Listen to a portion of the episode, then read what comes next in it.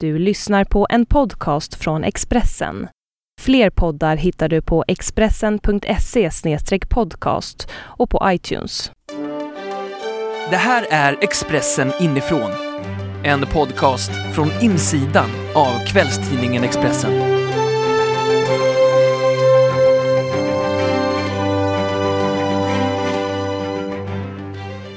Han började med journalistik som 15-åring och imponerade på kollegorna med sin kvickhet och sin nyhetsnäsa. 2001 så blev han Expressen-korrespondent i New York och senare var han stationerad i London. Idag är han 38 år och editionschef på samma tidning. Av sina medarbetare beskrivs han som en av de främsta när det kommer till nyheter, att han tillhör den absoluta toppen. Idag är han här för att prata om kvällstidningsjournalistik, pressetik och löpmakeri. Jag välkomnar ingen mindre än Expressens Magnus Alselind varmt välkommen. Tack så mycket, jättekul att få vara med här. Hur känns det de här topikerna, kvällsjournalistik, kvällstidningsjournalistik och pressetik och något du är bekväm med? Jo då, det är ju det vi älskar att jobba med, journalistik och göra tidning varje dag. Så att det är ju mitt favoritämne så att eh, jag kommer ha kul. Vi får se hur kul lyssnarna har. Min erfarenhet är ju att eh, det allra mest intressanta är våra löpsedlar. Eh, det är det vi får klart mest frågor om så att eh, fråga på du så ser vi vart vi hamnar. Vad innebär ditt jobb? Jag är operativt ansvarig för Expressens nyhetsorganisation. Jag kommer in på morgonen och har först ett möte tillsammans med de digitala cheferna. Då är tv, sport, nöje, eh, sajtens nyhetschef, alla med på mötet. Och det är en avstämning kring vad som görs digitalt under dagen. Klockan 10 har vi ett möte med pappersredaktionens alla chefer, avdelningschefer, sport, nöje, kultur, ledare. Och om då det digitala mötet har varit mycket kring vad som ska göras direkt så är mötet klockan 10 med kultur och ledare och de långsiktiga cheferna mer eh, orienterat kring vad är snackisarna just nu? Var ska vi börja gräva kanske? Eller vart har vi missat att vi ska titta? Eh, vilka intryck har alla? Eh, vi läser ju naturligtvis alla tidningar och lyssnar på radiosändningar och så vidare. Försöker hitta, hitta vad som berör Sverige just nu och eh, vart Expressen kan eh, rikta sina resurser varje dag eller, varje, eller kommande vecka eller kommande månad. Och Eh, sen fortsätter då min arbetsdag i flödet eh, i princip fram tills att eh, vår papperstidning går i tryck eh, strax efter midnatt runt om i Sverige. Och eh, slutar ofta det med en första sida med det mest spännande eh, vi har att berätta. Alltså den största nyhetsstoryn och en löpsedel som ibland då kan vara ett avslöjande och ibland kan vara en, en oväntad eh, formulering om något ämne du inte hade koll på att du skulle läsa om idag, men som Expressen puffar på sin löpsedel och som, du, som får dig att köpa tidningen. Jag jobbar naturligtvis inte hela den här perioden, utan vi har en mängd chefer och Thomas Mattsson, vår chefredaktör, är ju den som tar beslut kring ska vi trycka det här eller inte? Men jag är väl ett mellanled mellan de aktiva deskcheferna och chefredaktören kring eh, vad är på första sidan, vad är på löpsedeln, vad är på de olika nyhetssidorna och eh, vart riktar vi resurserna? Skickar vi eh, ett team till Sydkorea under eh, kärnvapenhotet? Eh, skickar vi ett team till Boston eh, under terroristdådet där och så vidare. Vad är den vanligaste myten som, som man får, eller frågan kanske som man för om löpmakeri? Favoritord på löpsedlar, alltså klassiska löpsedelsord. Eh, en del tycker att det är roligt med löpsedelsord och en del förfasas över dem. Och det finns en massa myter om ord vi har på löpsedlar som inte har stått på löpsedlar på en massa år, men som folk fortfarande tror står på löpsedlar för att de förmodligen gjort så himla stort intryck för 10, 15, 20, 25 år sedan. Kan du ge några exempel? Är det kaos, chock, art, eller ge några exempel? Ja, chock tror ju många fortfarande står på löpsedlarna, men det har inte vi skrivit på en löpsedel på flera år. Man kan möjligen hitta något enstaka exempel någon gång något år tillbaka, men inte i modern tid på 2010-talet i alla fall. Eh, och eh, många tror ju att det står chock och rasar och den typ av uttryck, men det är väldigt ovanligt nu för tiden. Och det måste självklart finnas, eh, finnas vissa ord som, som man har kanske börjat lite mer med nu för tiden, eller? Precis, det går ju trender i allt detta. Det finns en hel del roliga löpsedelsord som eh, jag tycker är väldigt eh, träffande och sätter med eh, korta ord en känsla som folk eh, träffas av. Aftonbladet hade ju en klassisk eh, första sida var det faktiskt, eh, häromåret med formuleringen Nu kommer snösmockan. Och eh, det var ju ett ord som vad jag vet inte fanns. Men eh, som folk ändå direkt fattade och jag gissar att de sålde bra den dagen. För att, eh, man får ju ändå känslan direkt, snösmocka, nu blir, det, nu blir det riktigt väder här, nu får man eh, kolla vad som har hänt. Eh, det tycker jag är ett jättebra löpsedelsord den typ av ord som, vad ska jag säga, nakendräkt tyckte jag var ganska kul. när Expre Nakendräkt? Ja, nakendräkt eh, tror jag Expressen hade i samband med eh, en slagerfestival. Det är ju en motsägelsefullt uttryck, eh, men jag tror att man ändå beskrev vad det var för någonting. Jag tror det var nakendräkt eller sexdräkt. Något av de två, någon av de två formuleringarna hade vi i samband med att Afrodite vann Schlagerfestivalen för några år sedan. Båda orden eh, är väl, vad ska man säga, löpsedelsord som inte används normalt men som ändå ger en känsla av vad det är för typ av grej och, och eh, lockar till läsning. Däremot så är det ju tråkigt, tråkigare löpsedelsord är väl rasar i, i bråk och konflikter och, och den typ av ord som eh, känns konstruerade och överdrivna kan det bli övertänkt ibland? Sitter man och väger för mycket i ord? Hur mycket bryr sig den vanliga människan som ska köpa tidningen om vilka ord man använder sig av? Inte så mycket att man bryr sig tror jag, men man måste ju fångas. Löpsedeln sitter ju ofta uppsatt utanför en butik eller i kassalinjen när du står med din kundvagn på ICA eller din varukorg på Hemköp. Och det är inte alltid du ens hinner tänka på vad du har sett på löpsedeln utan det gäller att fånga personen i butiken och du måste fånga personen med en känsla. Och då kan det inte vara långa invecklade formuleringar som berättar allt som finns inne i tidningen utan det måste vara ett kort slagkraftigt ord. Vad, vad skulle du säga är den främsta skillnaden mellan en första sida, en etta som vi kallar det, eller ett löp? På löpsidan så lockar vi in läsare. Man ska kanske inte ens ha tänkt på att köpa tidningen. Men eh, cykla förbi butiken eller stå i kön och, och fångas av ett ord eller av en bild eller av en känsla och köpa tidningen den dagen. Löpsedeln har ju oftast inte alls den viktigaste nyheten i tidningen utan eh, någonting helt oväntat eh, som man inte visste hade hänt. Det kan vara en nöjesnyhet eller det kan vara en ny forskningsmetod inom något hälsoområde. Eller det kan vara kolla hur mycket din granne tjänar i Gävle.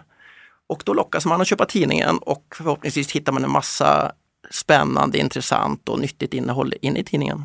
På första sidan däremot, då är det ofta dagens största nyhet. Någon stor händelse som har inträffat eh, kvällen före. Eller så är det en helt egen nyhet som Expressens reporter tagit fram och som vi presenterar på första sidan, ett avslöjande. En kollega har sagt om det att man sällan behöver oroa sig för vad, vad Expressen ska sälja på för att, han, för att du då i allmänhet har fixat en långsiktig plan. Vi vill ju att så många som möjligt ska läsa Expressen varje dag, att de ska läsa våra krönikörer som är intressanta, att de ska få ta del av våra nyheter, att de ska upptäcka något de inte visste var intressant i våra långa dokument, att de ska läsa om sport eller om nöje eller om kultur eller ledare inne i tidningen. Men det är inte alltid de vet om att det är läge för dem att köpa tidningen idag. Man köper ju, tidningen kostar 13 kronor, eh, information finns ju gratis i så himla många kanaler i webb, mobil, tv och så vidare. För de dagar det inte har hänt något speciellt så har vi en planering med spännande saker, eller åtminstone saker som är spännande för en viss målgrupp. Och det kan handla om eh, ett hälsoämne, det kan handla om eh, en nöjesnyhet, det kan handla om eh, ett oväntat avslöjande inom krim eller inom politik. Vi planerar ju långsiktigt och alla nyheter vi tar fram har vi inte plats att köra in i nästa dags tidning så att då sparar vi dem till kommande dagar och för en regnig dag när det inte finns värmebölja att berätta om på löpsedeln. Men du, så det ligger många avslöjanden på kö, som redan är avslöjade så att säga, men som ingen vet om än? Ja visst, en hel del. Vi har ju en, dels en relation som jobbar mot snabba nyheter. eh, som vi oftast kör rakt ut i din mobiltelefon eller på sajten eller i nästa dags tidning. Men samtidigt så har vi en grupp undersökande reportrar och en grävgrupp som vi kallar det, som jobbar mot eh, saker som man inte har koll på händer. Eh, man gräver fram det, krasst uttryckt. Och eh, deras nyheter kan man ju bestämma att man kör om två dagar, om tre dagar eller om fem dagar eller om åtta dagar. Eller ibland till och med om två veckor. Vad är ett säljande löp? allra bäst, då säljer naturligtvis stora nyhetshändelser. En naturkatastrof, en jordbävning, omskakande mord. Det är ingen tvekan om att stora händelser som berör folk, då samlas man fortfarande hos Expressen eller Aftonbladet för man får en bekräftelse på att det här har hänt. Journalister är kända för att vara cyniker. Vad är ett bra mord? Det finns naturligtvis inga bra mord, eh, men de krimberättelser och historier och krimdraman som väcker störst intresse och eh, vart intresset bibehålls under en längre tid, det är ju så kallade spaningsmord när gärningsmannen eller kvinnan ännu inte är, inte gripen och det finns en drama eller en, en gåta. Och det har ju som eh, med ska säga, de, svenska deckarframgångarna är ju samma sak. Att eh, folk är jätteintresserade av draman, av gåtor. När man sen har fått svaret, vem gjorde det och varför, då är det oftast inte lika spännande att läsa. Då kan man ju ändå välja att göra journalistik kring det. Det finns ju massa stark journalistik. Ungefär som Aftonbladets granskning av män som mördar kvinnor.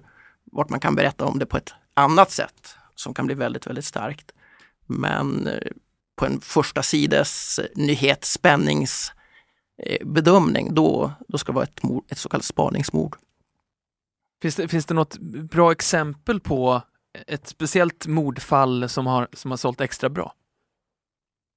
Egentligen alla de, de, de största eh, kriminalsäljarna är ju framförallt de förr i tiden när det inte fanns så himla många mediekanaler att man var tvungen att vända sig till kvällstidningarna dag ut och dag in för att få, få veta vad är nästa utveckling i fallet. Eh, framförallt de, de, de morden eh, och kriminaldraman var ju de som fängslade nationen allra mest. Vilka löpsedlar säljer sämst? Idag, 2013, skulle det nog vara dokusåpalöpsedlar tror jag. Varför då? Varför då? när dokusåporna kom så slog det igenom jättestort med Robinson och Farmen och Blondie och Öskan i Farmen blev eh, helt plötsligt personer som var i var och varannat hem och folk snackade om det här nya fenomenet. Och då sålde det jättemycket tidningar. Det blev en snackis och folk vill läsa om detta. Den typ av ämnen nu är så otroligt slitet och man vet vad man får i de, den typ av dokusåpor och eh, är inte en snackis på samma sätt längre. Visst, folk kan kolla på en dokusåpa och följa den och vara fängslade av eh, intriger och relationer. Men eh, hela, det, hela den berättelsen räcker för folk att få i tv. Man är inte alls på samma sätt som man var med vad ska man säga, Robinson Martin Melin och Kent Larsen och de i Robinson den gången intresserad av att läsa en massa om deras konflikter och relationer utan Numera räcker den, den eh, upplevelsen i tv och man har inget behov av att eh, springa till Expressen och Aftonbladet och läsa ännu mer om deras konflikter i och utanför rutan. Finns, finns det någon, något sådär fler exempel på någon person som har sålt väldigt bra förut och sen så har man tänkt att okej, okay, vi, vi, vi testar igen några år senare och sen så blir det liksom totalt misslyckande. Det blir kortare och kortare livslängd säljmässigt för heta personer. Om ni minns Laila Bagge så var ju hon en enorm försäljningssuccé för kvällstidningar för några år sedan när hon gjorde jättebra jobb som domare i Idol och var med i Let's Dance. Och, eh, på en, med en kvällstidningstouch så var det både bråk i juryn och rumpchocker i Let's Dance. Men jag tror inte att om du sätter Laila Bagge på en löpsedel idag kring eh, någon händelse i hennes liv så tror inte jag att det blir någon kioskvältare som vi brukar säga i branschen. Kvällstidningar anklagas ju ibland för att ljuga eller vinkla för hårt och kanske till och med lura läsarna ibland. Koka soppa på spik. Hur, hur tänker du kring de uttrycken? Vi är väldigt trogna läsare i Expressen. Vi har fortfarande trots eh, internet, trots eh, snabba mobilflashar så har vi 900 000 läsare på söndagarna enligt Torvesto. Och vi säljer även vardagar uppåt 200 000 tidningar.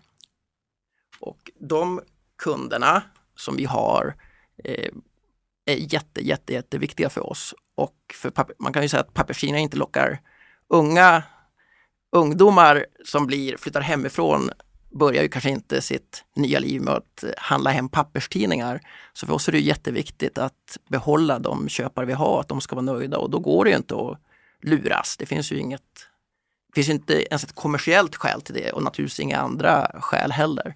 Det är ju dåligt varumärkesmässigt på alla sätt. Så att någonting ligger ju bakom en, hel, en del människors uppfattning om att kvällstidningar överdriver och eh, det får väl ses som gamla synder i en, eh, en löpsedelsjakt i en konkurrens med exempelvis Aftonbladet vart eh, det har gjorts dåliga löpsedlar förr om åren skulle jag vilja hävda. Konkurrensen med Aftonbladet, den är väldigt påtaglig. Hur skulle du säga att den påverkar journalistiken här på Expressen? Eh, jag älskar konkurrensen med Aftonbladet. Jag tycker jättemycket om Aftonbladet. När jag växte upp i Kiruna så hade min pappa en eh, BP bensinmack så han tog med sig tidningarna hem eh, varje dag, både Expressen och Aftonbladet. Och jag läste båda från början till slut. Och eh, konkurrensen med Aftonbladet, att varje dag ha en tydlig konkurrent att jämföra sig med, det är jätte, jättebra för Expressen håll oss på tå, håll oss pigga. Vi ser, var vi bättre än dem idag? Eller kan vi lära oss något av dem? Och det tror jag är bra i, i alla världar. Ja, men titta på tennisen. Eh, John McEnroe tröttnade på tennisen när han inte hade Björn Borg att mäta sig med längre. Och eh, det finns massa sådana exempel. Så att jag tror, och jag bodde sen i Gävle vart det också fanns två stycken eh, lokaltidningar, Gävle Dagblad och Arbetarbladet. Och det var där jag började jobba som journalist och Eh, det betydde jättemycket för mig att man varje dag kunde se var min artikel bättre än den som de gjorde på Arbetarbladet? Man fick ett facit eh, varje dag. Så att eh, det tror jag för det, för det mesta är jätte, jättebra att vi har Aftonbladet att mäta oss med. Det här med mätningarna då, hur, hur ofta vinner Expressen? Ja, det vill jag inte recensera själv. Men jag kan säga att jag är ju en trogen Aftonbladet-köpare och jag tycker jättemycket om flera olika skribenter i Aftonbladet. Och eh, Aftonbladet är ju världsledande inom flera områden eh, digitalt. Jag tycker det är lite tråkigt att man har tappat engagemanget i papperstidningen på Aftonbladet. tycker jag märks lite för många dagar och det riskerar ju att göra oss också lite bekvämare att inte vara så på tå och inte vara så utvecklande. Och man får komma ihåg att Aftonbladet har ju många trogna köpare runt om i landet. Jag tycker inte man ska glömma dem som köper papperstidningen. Eh, de 200 000 eller vad Aftonbladet fortfarande har. Utan eh, tänka på dem. Det är ju den papperstidningssuccén som varit med att bygga, finansiera deras nya satsningar. Finns det några sådana här klassiska löp som, som man vägrar glömma? Ja, Expressens mest klassiska genom tiderna som fick ett världsgenomslag, det är väl Svart hjärta lika rött som vitt efter den första hjärttransplantationen i Sydafrika. Det kan man verkligen tala om att eh, en löpsedel med en, med en kort slagkraftig formulering kan berätta jättemycket. Så det är väl nummer ett i, i Expressens historia.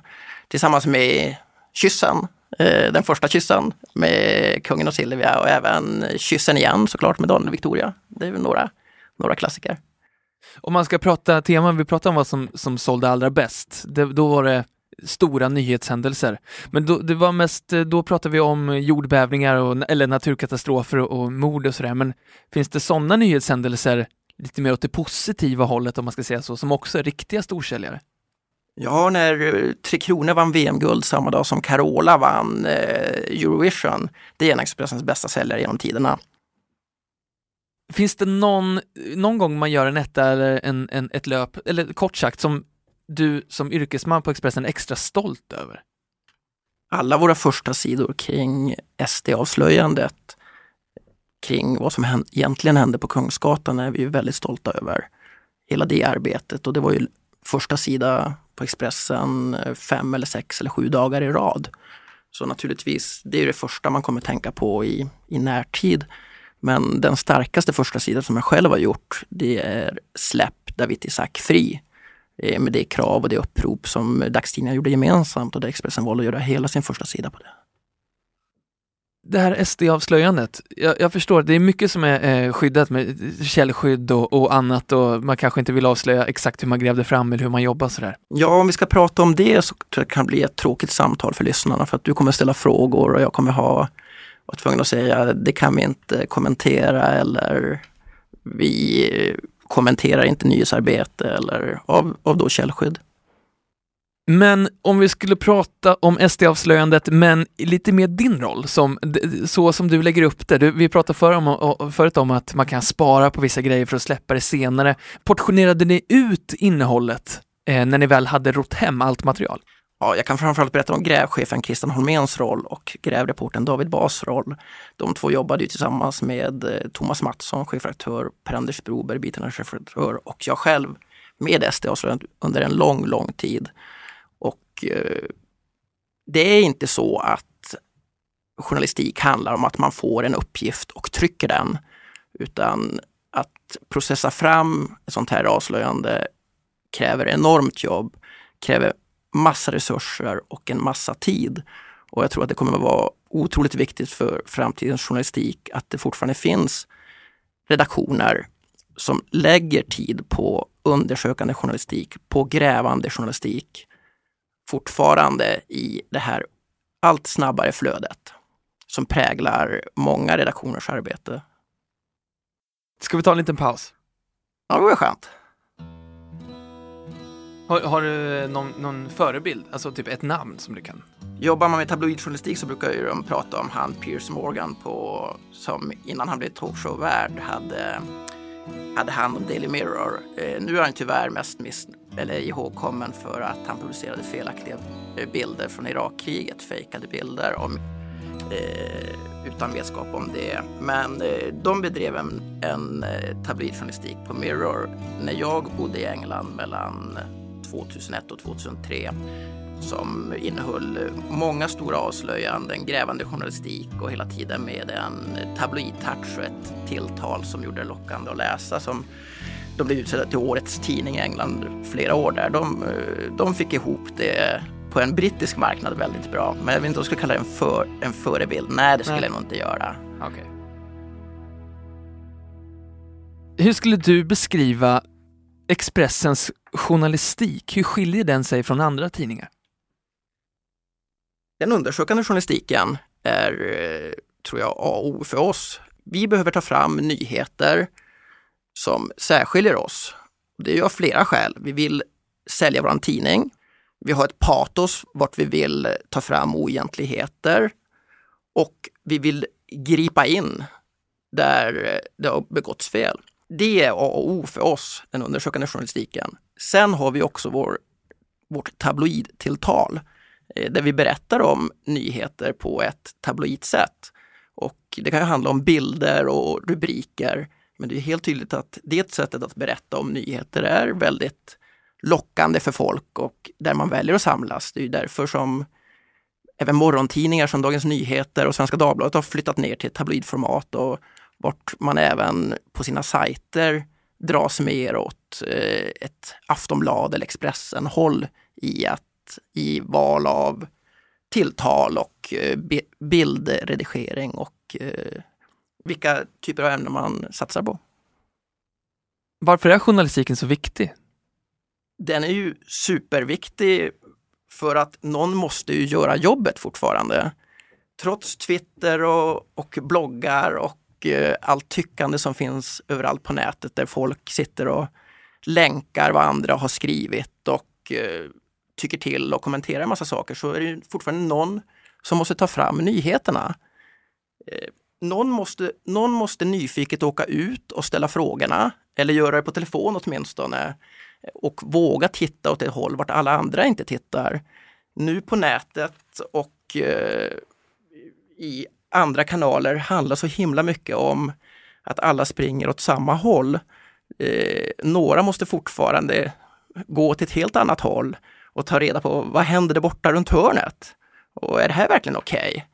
Eh, samtidigt som många andra jagar likes på Facebook eller retweets på Twitter så är det fortfarande någon som idogt i det tysta, dolda, måste ställa de obehagliga frågorna och göra slitgöra för att ta fram det som sen blir snackisarna och som sen alla retweetar. Men det måste ju börja någonstans och Expressen satsar ju fortfarande på detta. Jag är jätteglad för att vi har resurserna att ha en grävgrupp och ha flera undersökande reportrar. Men det är inte helt säkert att dagstidningar i fortsättningen är de som eh, har resurserna att göra det här. Jag hoppas verkligen att Expressen kommer att som nu ha ägare och en ledning som satsar på journalistik. Det är viktigare än någonsin tror jag i en tid när många företag gärna vill sköta journalistiken själv. Vi har ju Handelsbanken som gör eh, på egen hand tillsammans med Strix tror jag det är, gör tv-program om eh, ekonomi och, och sig själva i princip. Som eh, natu man naturligtvis inte kan jämföra med hur Expressen eller Aftonbladet eller Dagens Industri bevakar bankerna. Och eh, jag tror att det kommer att öka bara. Eh, jag tror att fler banker kommer att göra tv på så sätt och då blir det naturligtvis än viktigare att det är någon som oberoende granskar de här som står på spararnas sida och ställer de jobbiga frågorna om är det verkligen okej okay med alla de här avgifterna? För att de frågorna kommer inte ställas lika hårt i Handelsbankens tv. Eh, även om de rekryterar fantastiskt duktiga journalister dit så, så krävs det ju fortfarande Expressen, Aftonbladet, eh, Sveriges Radio eller andra oberoende aktörer för att ställa de jobbiga frågorna. Men när det finns sådana här kommersiella intressen med i bilden, eh, Expressen har också kommersiella intressen, riskerar man att få en klickvänlig journalistik eller en alltför säljande journalistik? Helt klart att en klickjakt kan ju påverka redaktioner eller journalister. Utan tvekan, du ser ju direkt en siffra. Hur många har läst den här artikeln? Hur många är intresserade av den? Men jag tror att om du ser både på Expressen och även på Aftonbladet och DN och Svenskan så långsiktigt är det ju ingen vinnande strategi att ha, lägga ut Youtube-klipp. Utan eh, ska vi bli nyhetsförmedlaren som folk samlas kring i tv eller i datorn eller i mobilen eller i papperstidningen på sikt så måste vi ha avslöjanden. Vi måste berätta om ämnen som folk inte trodde att de ville, ville se. Förutom babyn som rapar på Youtube så måste vi naturligtvis kunna erbjuda även granskningen av ministern som undanhöll, försökte undanhålla representationen eller berätta vad som verkligen hände på Kungsgatan med SD-männen den natten. Tycker du att det journalistiska klimatet har förändrats? Om man jämför med förut, var man mer fri, kanske på löpsedlar och på ettor eller just när det kommer till pressetik? Jag tror att eh, läsarkontakt och har betytt jättemycket för granskningen av medier. Det är mycket, mycket enklare att nå fram till en tidning nu eller göra sin röst hörd kring en publicering än vad det var för 10-15 år sedan. Så det tror jag är jättebra. Tidningarna är ju hårdare granskade nu. Eh, dels av vassa branschmedier som Resumé och Dagens Media främst som är väldigt på och har koll på vad framförallt Expressen och Aftonbladet gör. Så det gör ju både Expressen och Aftonbladet bättre. Men även eh, vanliga läsare som reagerar på saker som står eh, kan ju snabbare få gehör för sin, eh, sina tankar kring publiceringarna genom att man skriver ett inlägg som sen delas på Facebook och så vidare. Så att det, det har gjort jättemycket bra för klimatet. Kan det ibland kännas jobbigt som journalist och löpmakare och med ansvarsområde för att, att sälja tidningar när man vet att vanliga människor kom, kan komma till skada eller det, känns det jobbigt ibland? Det är en avvägning som vi gör varje gång eh, vi publicerar eh, detaljer kring ett drama av något slag. Vi är ju faktiskt ganska restriktiva i Sverige med namn och bild på människor efter olyckor eller kriminalfall. Expressen har exempelvis som policy att inte publicera namn och bild på offer om inte de anhöriga har gett sitt tydliga samtycke. Det kan naturligtvis finnas undantag till det om det är en högst eh, offentlig person inom politik eller liknande vart det blir en samhällspåverkan. Men eh, jag tycker att det är en det är en viktig och bra policy vi har att eh, vi avstår om de anhöriga eller de vi kontaktar oftast inte de direkt anhöriga utan nästa led. Om de sen ställer frågan till de anhöriga om, om man vill att namn och bild ska vara med i tidningen och de säger nej, då avstår vi. Det är inte alla som säger nej. En del vill ju berätta och tycker det är viktigt att berätta historien och ge ett ansikte och en, en bild av personen. Men för de som inte vill berätta, då avstår vi. Och där, så är det inte på många andra ställen i världen. Där publicerar man ju bilder på mordoffer och, och olycksdrabbade utan att fråga. Expressen var ju väldigt eh, snabba med Ola Lindholm och, och eh, publicera namn och, och, och, bild och vad han var misstänkt för och sådär innan han blev dömd. Hur går tankarna kring fallet Ola Lindholm? Jag förstår att Ola Lindholm eh, uppfattade att han var väldigt utsatt i sin position när vi sökte en kommentar från honom kring vad som hade hänt. Men för oss är det väldigt viktigt att söka människor för en kommentar. För att höra vad de har att säga och om vilken typ av redogörelse de kan tänkas lämna. Så att vi sökte Ola Lindholm så snabbt som möjligt. Eh, och eh, när vi söker folk så börjar vi med att ringa eller skicka ett mejl. Och når vi inte kontakt där så kan vi i vissa situationer även åka hem till folk och, och höra om de vill ge en kommentar kring det som har inträffat, om det är en, det är en större nyhetshändelse. Det kan ju uppfattas, eh, man kan, jag kan förstå att man kan känna sig utsatt i en sån position om man är eftersökt för en kommentar. Det här blev väldigt, han själv eh, anmälde det här till PO eh, och Expressen blev ju senare fällda också. Var det här rätt att göra? Ja, inte enligt Pressens opinionsnämnd, men eh, min, min eh, chefredaktör och eh, den biträdande chefredaktören Per-Anders Broberg har ju arg argumenterat eh, till PO och till Pressens opinionsnämnd i frågan och gett vår syn på detta att eh, Ola Lindholm hade en officiell ställning som bland annat chefredaktör för Kamratposten och så vidare. Att det var av eh, relevans att berätta att han hade lämnat ett positivt drogtest utanför AIK Mjällby på, på Råsunda. Men vi respekterar naturligtvis beslutet i Pressens opinionsnämnd. Naturligtvis. Finns det dagar då, då du känner att nej, men jag, jag, orkar, jag orkar inte jobba med kvällspress längre, det känns för jobbigt eller? Ja, men om det hade varit gammeldags kvällspress, då hade jag nog ledsnat efter några år. Det fanns ju en tid i början på 2000-talet när Aftonbladet hade gått om Expressen, bland annat genom Anna Nicole Smith journalistik. De började berätta om bland annat om henne och hennes liv och fenomen och hade spännande löpsedlar kring det som drog till sig ny publik. Och sen kontrade då Expressen med Farmen och dokusåpor.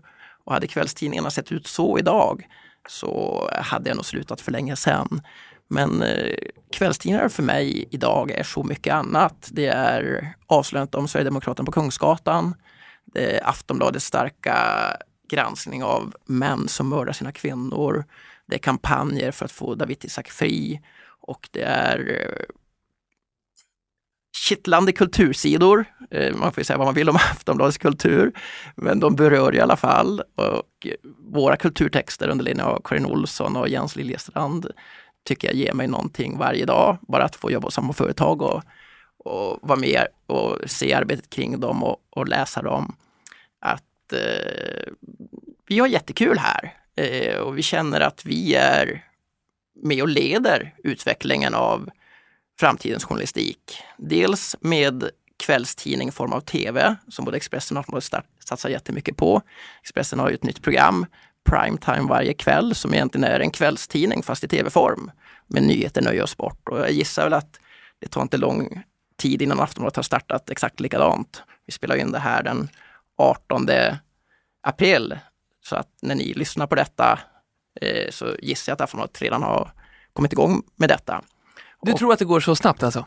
Ja, då, vi håller ju koll på varandra och ser man att någonting är rätt så då hänger man ju på. Ungefär som Aftonbladet startade ju eh, Sportbladet, vilket eh, Lasse Östling, Aftonbladets sportchef, borde ha fått Stora Journalistpriset för. Han förnyade ju sportjournalistiken helt och hållet med eh, en daglig tidning om sport och hela den redaktionen med Simon Bank och Erik Niva och Robert Laur och, och alla där.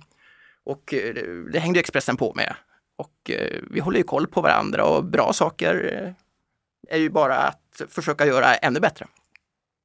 Det fanns en tid då Expressen hade flygplan med tillhörande piloter och eh, man hämtade Björn Borg i helikoptrar och eh, man hyrde hotellvåningar när eh, Norrmalmstorg-dramat och sådär. De pengarna finns inte idag på samma sätt kanske. Hur, vilka är nackdelarna, tror du? Oj, nu hoppas jag att vår VD Bengt Ottosson inte lyssnar på det här. Men faktum är att vi fortfarande hyr helikoptrar. Exempelvis när det var det askmolnet häromåret som stoppade all flygtrafik i Europa så kunde inte vi ta oss till Island, vart den här vulkanen fanns, utan eh, Expressen, okej, okay, hur bevakar vi detta? Eh, alla vill ju veta mer om askmolnet. Vad är det som händer egentligen? Vad är det här för vulkan? Så att då kom Expressen på att man kan fortfarande ta sig till Island från andra hållet, inte från Sverige utan från Nordamerika. Så vi skickade dit vår USA-korrespondent Ann-Sofie Näslund och vår USA-fotograf Axel Öberg som var först på plats och även lyckades få tag på en helikopter eh, och ta sig upp över den här vulkanen och få de här bilderna som sen spreds över hela världen och som Axel vann priser för. Eh, så att vi hyr fortfarande helikopter och ibland till och med för mindre häftiga saker än askmoln. När har du känt dig som mest utmanad? Att jobba med Breiviks terroristdåd i Norge är nog mina svåraste dagar på Expressen. Dels för att många av våra utsända då kom i direkt kontakt med människor som varit med om det här fruktansvärt traumatiska terroristdådet och dels för att vi på väldigt kort tid skulle ha en väldigt stor bevakning i alla våra kanaler. Och det handlade dels om logistik och få alla på plats. Och det handlade dels om att få hem berättelserna och ta reda på vad som verkligen har hänt. Och vi visste ju ganska tidigt mer än vad, vad vi kunde for, eh, förmedla ut. Vi hade ju en reporter på plats vid Utöja som såg eh, många, många kroppar. Och vi visste ju att det var fler än eh, fler som hade avlidit än vad polisen först sa. Så det var många svåra beslut att ta under den dagen, under de timmarna, under de minuterna. Och det var även ytterligare svåra beslut att ta som handlade kring vad vi sen skulle publicera i papper och på vår sajt. Och eh, den dagen och de kommande dagarna var de tuffaste under mina år på Expressen. Om vi byter helt nu då, 90 grader åt andra hållet, vänder om 180 kanske. Vilket är det roligaste jobbet eller mest stimulerande jobbet du, du har tagit dig an? Ja, nu kanske en del tycker att det är fånigt, men det är faktiskt bröllopet mellan Daniel och Victoria.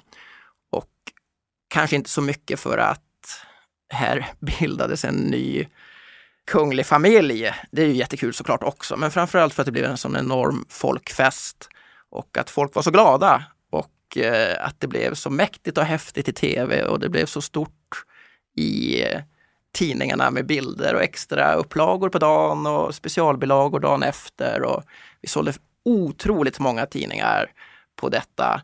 Eh, vi tryckte faktiskt, kan jag avslöja, alldeles för få tidningar. Jag tror Expressen den dagen efter bröllopet var slutsåld över nästan hela landet vid 12.30 på dagen redan. Det ringde hit oavbrutet från återförsäljare som hade slut på tidningen.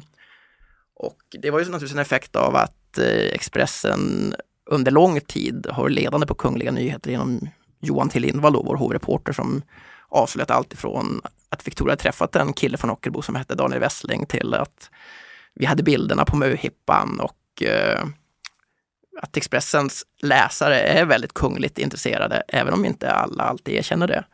Och det var en himla rolig bevakning som sen slutade med att Malin Ros, en av våra reportrar, flög från USA och eh, träffade Daniel och Victoria på smekmånaden när alla undrade vart de var. Så det var så himla roligt från början till slut, för det var en så stor kraftansträngning med så många som jobbade i det tysta. Och om inte jag kan avslöja någonting kring hur vi har det med Sverigedemokraterna, så mitt kanske bästa minne från Expressen är nog när jag och Andreas Johansson, som numera är chefredaktör för DI Weekend, eh, och som då jobbade som ny chef bröllopet, eh, underställd mig då närmast, stod i vårt kontrollrum som vi kallade det och följde ett flygplan och såg att det mellanlandade i franska Polynesien och fick hem bilden på att det är rätt flygplan sedermera tack vare det kunde hitta, hitta Daniel och Victoria som ju ställde upp och gav en jättetrevlig intervju och jättetrevliga bilder och sen eh, åkte vi hem och deras smekmånad fortsatte ju jätteunderbart vad jag förstår i dels franska Polynesien och dels i USA var de och så. Men det var jätte, jätteroligt och jättestarkt. Eh, det var också ett tillfälle när folk samlades kring Expressen och även Aftonbladet då. Som, det var där man ville läsa och få en återkoppling på bröllopet. Att det, här, det hade verkligen varit en så stor folkfest som man hade uppfattat i tv. Man ville verkligen se i tidningen att det här verkligen hade hänt. Det var så och så många människor som kantade gatorna. Hur ser framtidens journalistik ut? Finns den på papper överhuvudtaget tror du? Ja, det hoppas jag. Eh, om inte annat så är väl Expressen någon gång i framtiden en framgångsrik tv-kanal som också ger ut en papperstidning. Eh, även om det nu tidigare har varit tvärtom, en papperstidning som även haft en sajt och en mobilsajt och en tv-kanal. Det kanske bara är en podd? Eller hur? ja, men då är det Expressen-podden med Expressen papperstidningen. Exakt, exakt.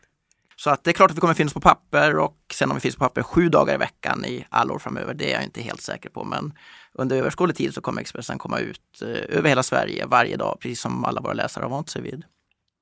Vad tror du är det största hotet här? Största hotet mot eh, journalistiken är såklart Eh, brist på finansiering. Att eh, man än så länge inte har tjänat lika mycket pengar på varje läsare i datorn som man har tjänat på i papperstidningen och man har inte tjänat lika många kronor på varje läsare i mobilen som i papperstidningen och inte lika många i tvn som i papperstidningen. Än så länge. Men det känns ju verkligen som vi är på rätt håll i branschen och ska jag gå lite snävare kring det jag jobbar med eh, rent redaktionellt så ser jag väl att ett hot, jag vet inte om det är det största hotet, men ett hot mot journalistiken är att väldigt många väldigt snabbt nu för tiden blir bekräftade och eh, hamnar ganska mycket i en åsiktsjournalistik. Att man pratar om saker som har hänt. Man blir en talking head i en tv-studio eller man twittrar eller man bloggar och det är en åsikt som blir det framträdande.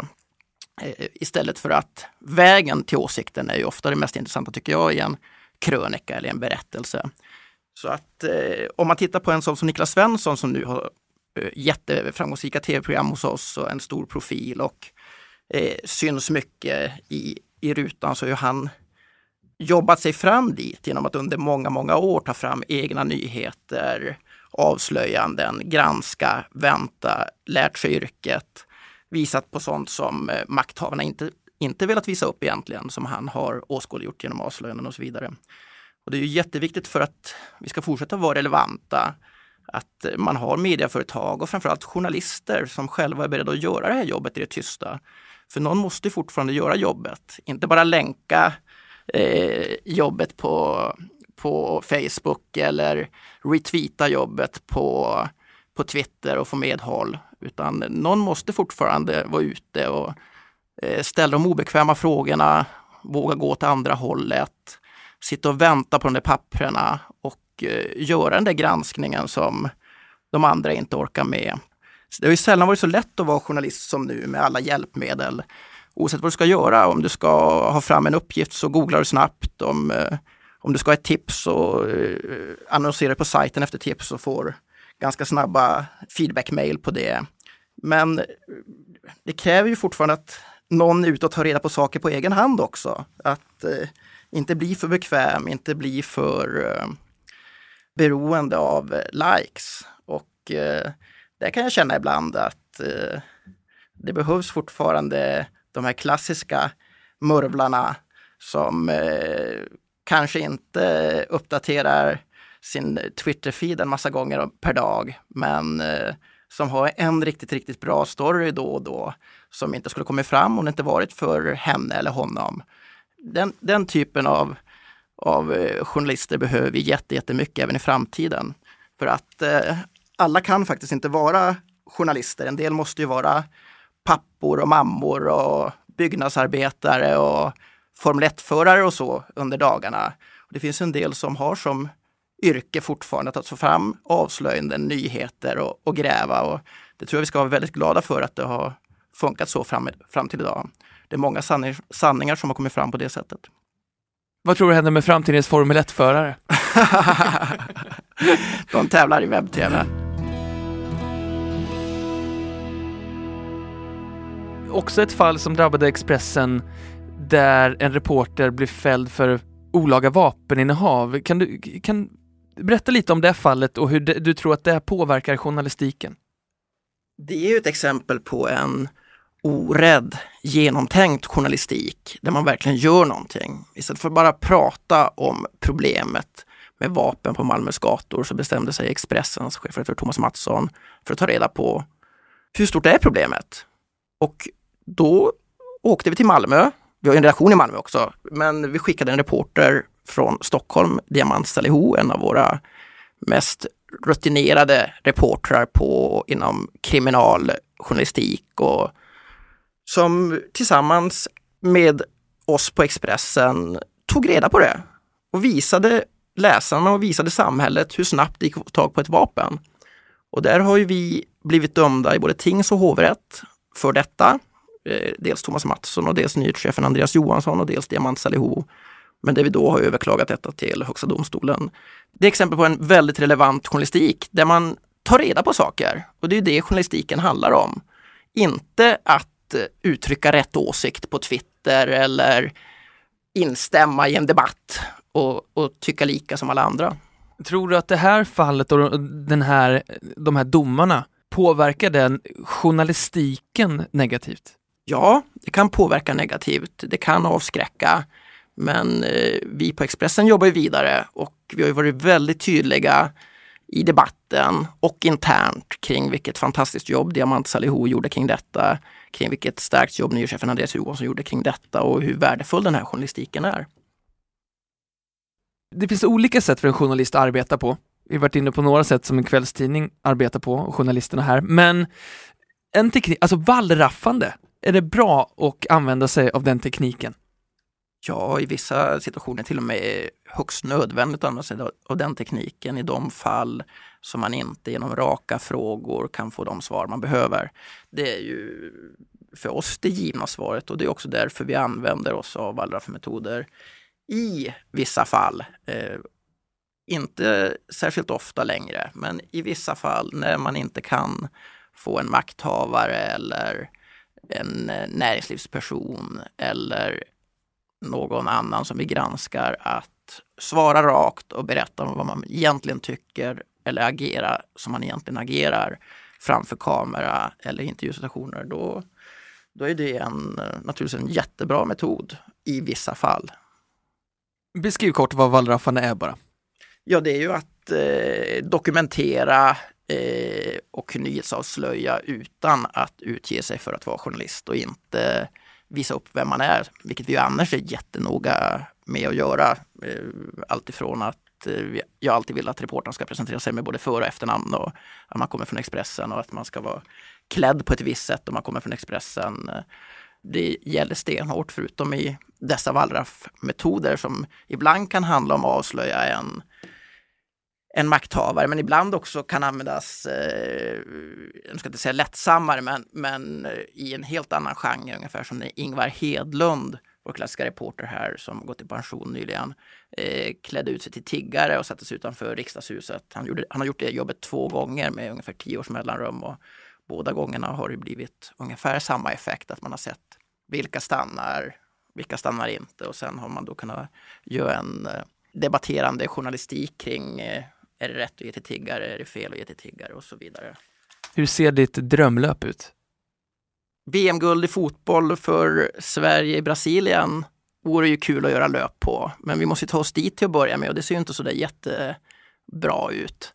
Men eh, nej, mitt drömlöp måste jag nog ändå säga har att göra med den första sida som jag tyckte var den starkaste jag varit med och gjort och den var ju Släpp Dawit Isaak fri så att drömlöpssedeln måste ju då vara naturligtvis att David Isak fri hemma hos sin familj.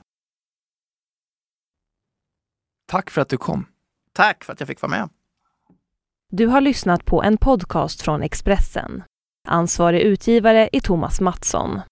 Fler poddar hittar du på expressen.se podcast och på iTunes.